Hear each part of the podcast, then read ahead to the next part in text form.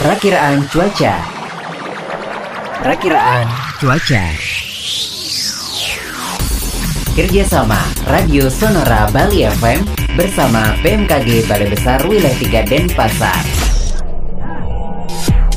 Sahabat Sonora, sekarang kita sudah tersambung bersama Bapak Putu Agus dari BMKG Balai Besar Wilayah 3 Denpasar yang akan menyampaikan cuaca hari ini. Pak Putu, silakan informasinya. Baik, selamat pagi. Berikut kami sampaikan informasi cuaca secara umum untuk wilayah Bali pagi ini tanggal 11 Februari 2022, di mana kondisi cuaca secara umum rawan dan terdapat potensi hujan ringan hingga sedang di sebagian besar wilayah Bali.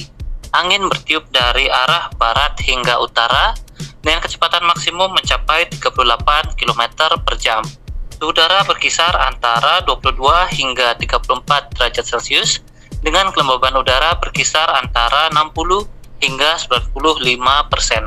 Sementara itu, untuk di gelombang laut di perairan utara Bali berkisar antara 0,25 hingga 1 meter dan di perairan selatan Bali berkisar antara 1 hingga 3,5 meter.